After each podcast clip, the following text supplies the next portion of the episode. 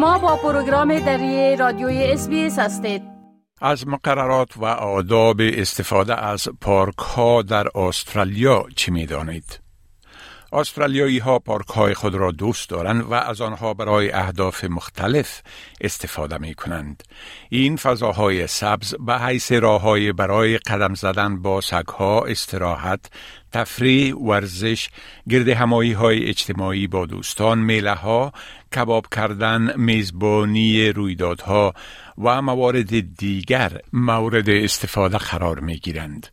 چه یک بازدید کننده معمولی از پارک هستید یا در جستجوی کشف فضاهای سبز آمه در منطقه خود باشید دانستن مقررات و توصیه های مفید آداب معاشرت به شما کمک می کند تا از پارک های محلیتان به بهترین وجه استفاده و در عین حال خوشی همگان را تأمین کنید.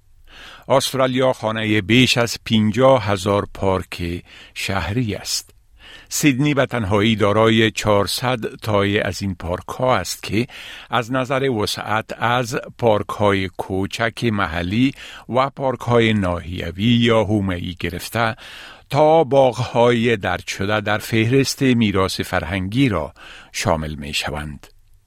جول جانسون مدیر بخش محلات سبز و تفریحگاه ها در شورای شهر سیدنی است. او می گوید در حالی که در بعضی موارد مسئولیت فضاهای سبز عامه را حکومت ایالتی متولیان یا نهادهای دیگر به صورت مشترک به عهده دارند اما به صورت عموم مسئولیت مدیریت پارک های شهری به عهده شورای شهری است که پارک ها در آن موقعیت دارند.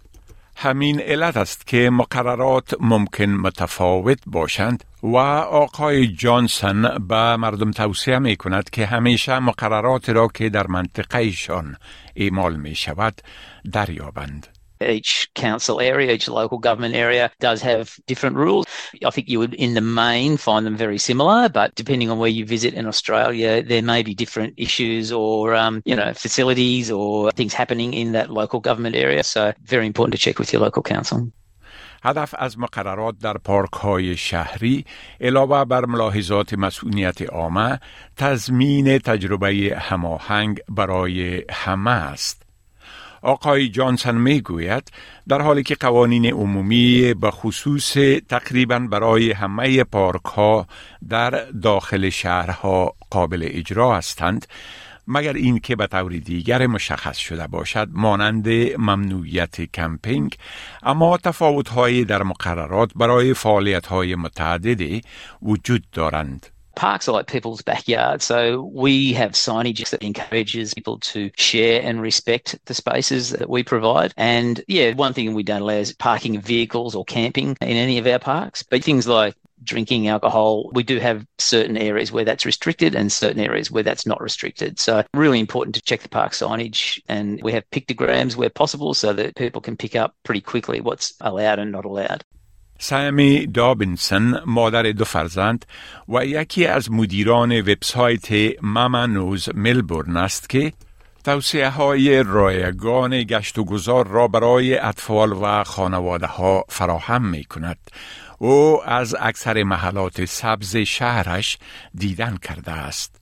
خانم دابنسن می گوید که مقررات زیادی در مورد پارک ها وجود ندارند که والدین و اطفال را در فعالیت هایشان محدود بسازند.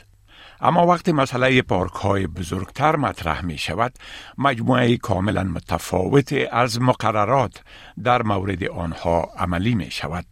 places like botanical gardens where you can't kick a football and there might be some you know regulations about ball sports or large parties of people gathering in some botanical gardens خانم دابنسن میگوید وقتی صحبت از آداب پارک و زمین بازی به میان می آید بسیاری از مسائل صرف به قضاوت درست ارتباط می گیرد.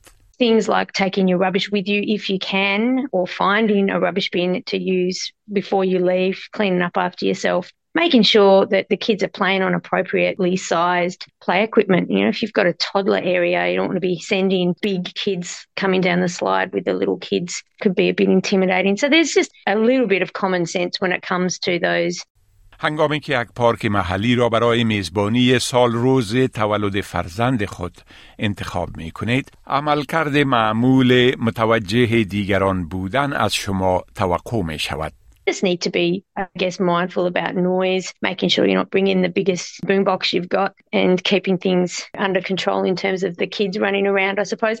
And take your streamers home with you if you're decorating. Make sure all of that party stuff goes with you.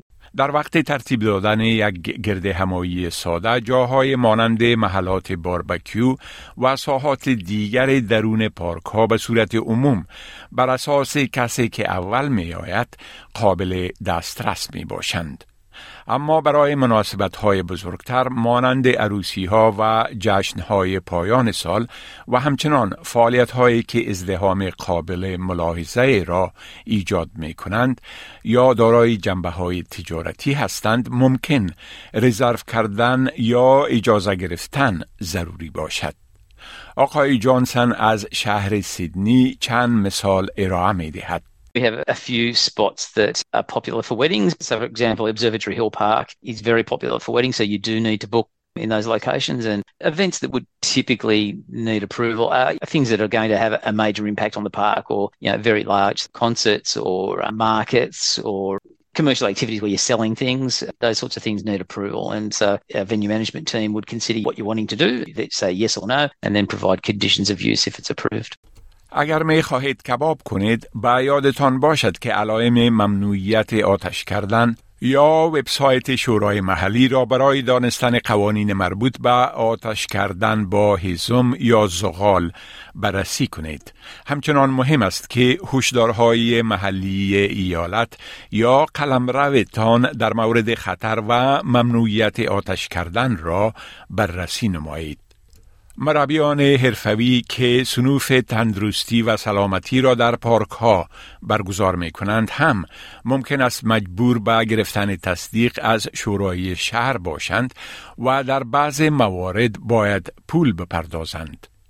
سکات هنت بنیانگذار و مدیر عامل یک نهاد ورزشی شخصی به نام فتنس انهانسمنت است که در سه ایالت فعالیت می کند و در جلسات ورزشی در فضای باز تخصص دارد. آقای هانت توضیح می دهد که سیستم جواز برای جلسات آموزشی شخصی در پارک ها در شهر برزبون چگونه کار می کند. If you're training less than 10 people at once, see typical one on one, two on one personal training, you need a permit, but it's free.